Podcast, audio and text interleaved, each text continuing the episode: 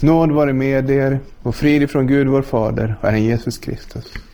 Amen. Hör så dagens evangelietext på midfastosöndagen. Så skriver evangelisten Johannes i det sjätte kapitlet och från den 48 versen. Jesus sa, Jag är livets bröd. Era fäder åt mannat i öknen och de dog. Här är brödet som kommer ner från himlen för att man ska äta av det och inte dö. Jag är det levande brödet som har kommit ner från himlen. Den som äter av det brödet ska leva i evighet. Och brödet som jag ger är mitt kött för att världen ska leva. Judarna började då tvista med varandra och säga Hur kan han ge oss sitt kött att äta? Jesus svarade jag säger er sanningen. Om ni inte äter Människosonens kött och dricker hans blod har ni inte liv i er. Den som äter mitt kött och dricker mitt blod har evigt liv och jag ska låta honom uppstå på den yttersta dagen. Mitt kött är verklig mat och mitt blod är verklig dryck. Den som äter mitt kött och dricker mitt blod förblir i mig och jag i honom. Liksom den levande Fadern har sänt mig och jag lever genom Fadern, ska också den som äter mig leva genom mig. Detta är brödet som har kommit ner från himlen. Inte som det bröd fäderna åt och sedan dog. Den som äter det här brödet ska leva i evighet. Detta sa han när han undervisade i synagogan i Kapernaum. Amen. Herre, helga oss i sanningen. Ditt ord är sanning. Amen. Ja, vi befinner oss i synagogan i Kapernaum där Jesus undervisar. Många av de närvarande har sökt upp honom. De har varit med om hur Jesus ger dem mat av bara några bröd och fiskar. Och sen nästa dag har de letat efter honom och funnit honom på andra sidan sjön. De är judar och de känner historien om hur Gud har handlat med sitt folk. De är intresserade av att möta Jesus igen. De har en tro på Gud och skriften. Att det är sant det som står. Men det är skillnad på att tro att någonting som har hänt är sant och att förtrösta på de löften som Gud ger. Det finns människor både innanför och faktiskt också utanför kristenheten som tror att Jesus inte bara dog på korset utan också uppstod igen. Men de förtröstar inte på Kristi verk. Våra bekännelseskrifter säger men att tron inte blott är en historisk kunskap utan en sådan tro som är övertygad om sanningen av löftet. Därom vittnar Paulus tydligt då han säger därför måste rättfärdigheten vara av tro för att löftet må stå fast. Ty han vet att löftet kan mottagas blott genom tron. Och vidare, därför är det inte tillräckligt att tro att Kristus är född, har lidit och är uppstånden. Om vi inte tillägger denna artikel om syndernas förlåtelse, som är ändamålet eller syftet med vad som historiskt föreligger. Ja, man kan ha historisk kunskap utan att ha förtröstan. Och på liknande sätt kan man ha in intresse av att söka sig till Jesus för att kanske få någonting av honom utan att se sina egentliga behov. Det är detta Jesus adresserar idag. De har sökt upp honom för att han gett dem bröd. De ser inte att underverket pekar mot Jesus själv. Vem han är och vad han egentligen kommit för att ge dem. De talar istället om hur folket hade fått manna i öknen under 40 år och hoppas att Jesus på liknande sätt ska förse dem med mat. De ser inte att mannat tjänar som en bild för honom som skulle komma och som nu står framför dem. Vårt dagliga bröd behöver vi för vårt fysiska liv. Både livet och brödet är en gåva från Gud. Men vi behöver också bröd för vårt andliga liv. Det kan inte vanligt bröd ge oss. Därför är det att missa poängen om man endast eller främst ber Jesus om vanligt bröd. Jag är livets bröd. Era fäder åt manna i öknen och de dog. Här är brödet som kommer ner från himlen för att man ska äta av det och inte dö. Ett bröd som ger liv åt den som äter av det så att han inte dör. Det är det bröd alla människor behöver. Och Jesus förklarar vidare. Jag är det levande brödet som har kommit ner från himlen. Den som äter av det brödet ska leva i evighet. Och brödet som jag ger är mitt kött för att världen ska leva. Vi får liv genom Jesu kött.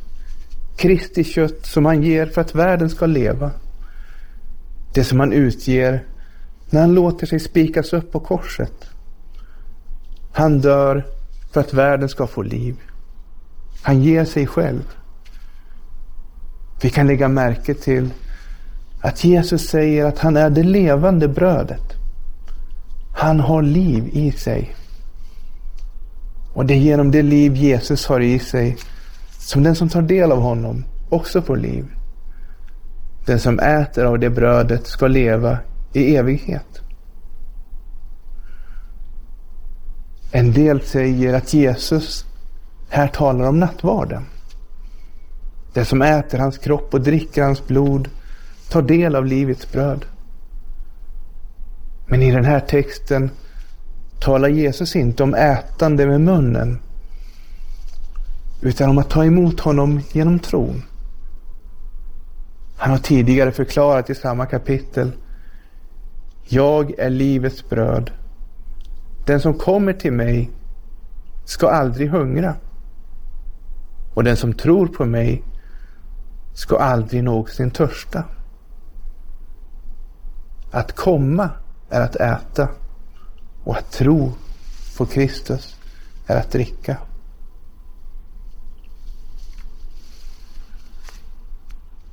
Samtidigt är det så att i nattvarden får vi del av samma kropp och blod, samma kött och blod som Jesus talar om här. Och när vi får del av Kristi kött och blod med våra munnar, då ska vi också veta att syndernas förlåtelse gäller oss. Så blir ätandet med munnen till en hjälp för trons ätande och trons mottagande. Luther skriver i Lilla katekesen och förklarar just detta. Efter att han förklarar att vi får syndernas förlåtelse, liv och salighet i detta sakrament.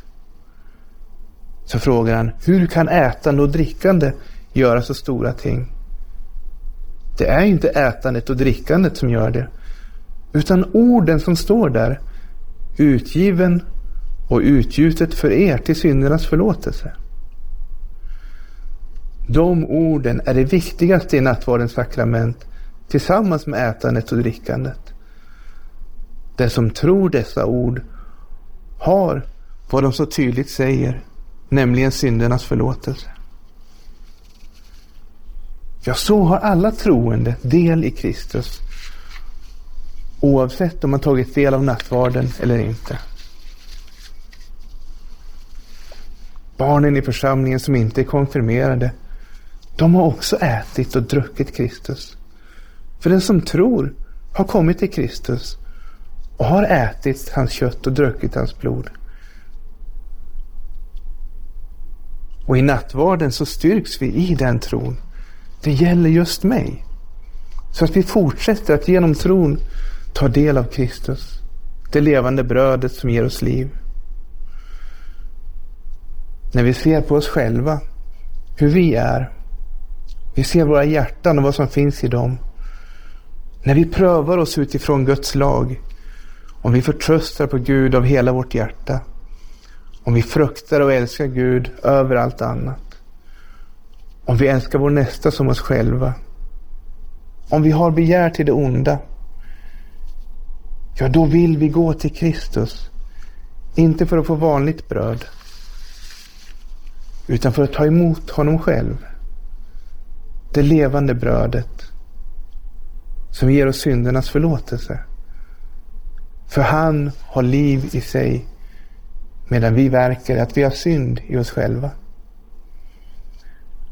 Det svar Jesus får på den undervisning som han ger, det är däremot inte tro och tacksamhet, utan ifrågasättande. Judarna började då tvista med varandra och säga, hur kan han ge oss sitt kött att äta? Ja, Jesus hade kunnat besvara den frågan genom att mer konkret beskriva vad han skulle göra. Han hade kunnat berätta att han kommer att gå till Jerusalem för att bli korsfäst utanför stadens murar. Han hade kunnat förklara att han är Guds lam som kommer att offras för att bära världens synder. Att han är Herrens lidande tjänare som tar vår skuld på sig och lider vårt straff. Att det är på detta sätt han kommer att ge sitt kött. Att han kommer att piskas och plågas och bära sitt kors som han sen ska hänga på ända tills han ger upp sitt liv. Men det är inte en sån förklaring de behöver. Frågan beror inte så mycket på att de inte förstår hur Jesus skulle kunna ge sitt kött att äta. Den beror mer på att de inte förstår sitt behov av att Jesus ger sitt kött. De behöver inte först och främst få förklarat för sig hur det kommer att gå till. Det kommer ju dessutom ganska snart att visa sig för dem. Utan de behöver få sitt behov uppenbarat för sig. De behöver förstå att i sig själva har de inte det liv de behöver. Jesus svarade, jag säger er sanningen. Om ni inte äter Människosonens kött och dricker hans blod har ni inte liv i er. Den som äter mitt kött och dricker mitt blod har evigt liv och jag ska låta honom uppstå på den yttersta dagen. Det Jesus säger gäller alla människor från den naturliga födelsen som inte blivit födda på nytt. Vi har inte liv i oss. Man har liv rent fysiskt. Men det är inte det sanna livet. Vi behöver mer än vanlig mat för att få verkligt liv. De har förstått att Jesus är från Gud. De har ju sökt upp honom just för att han gav dem bröd att äta. Jesus är en gudsman, så mycket kan de förstå. Ja, vissa tror att han är profeten. Profeten som är lik Moses som skulle komma. Men också Moses var en vanlig människa. Jesus förklarar idag att han är mer än så. Han är profeten. Men profeten är inte bara en vanlig människa. Han är människosonen som ger sitt kött och blod.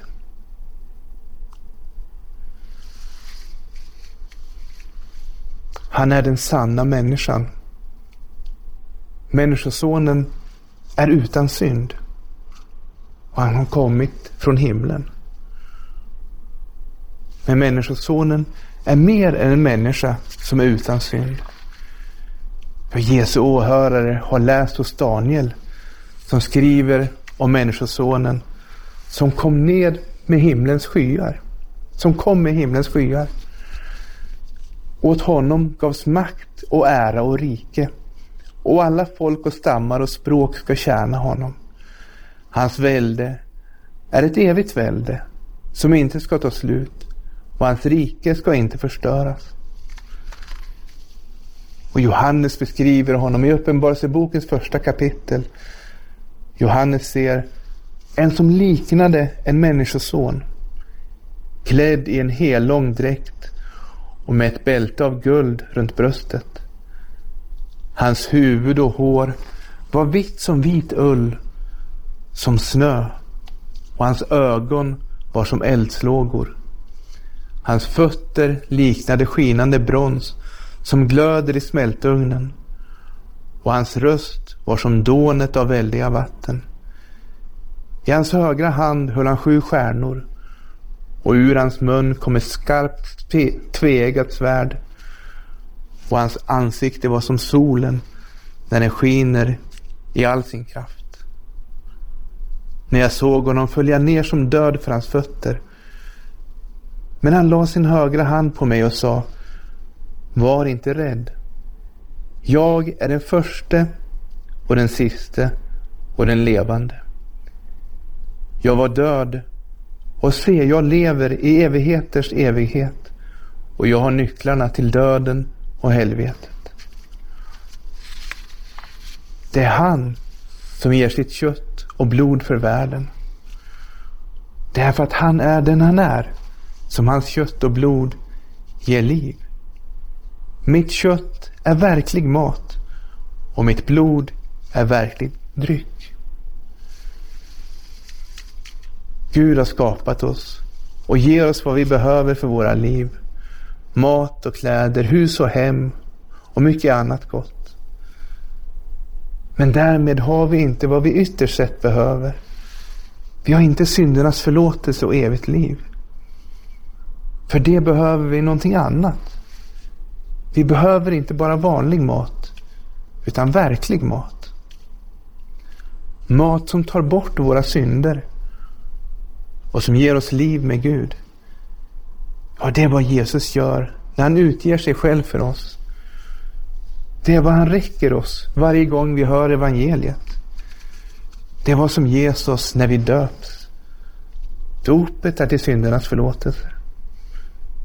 Det är vad vi tar emot i avlösningen. Och som vi har sett så är det samma gåva som framträder kanske tydligast i nattvarden. Även om det är samma gåva. Också när vi hör ordet avlösningen och i dopet. Kristi verk som utplånade världens synder.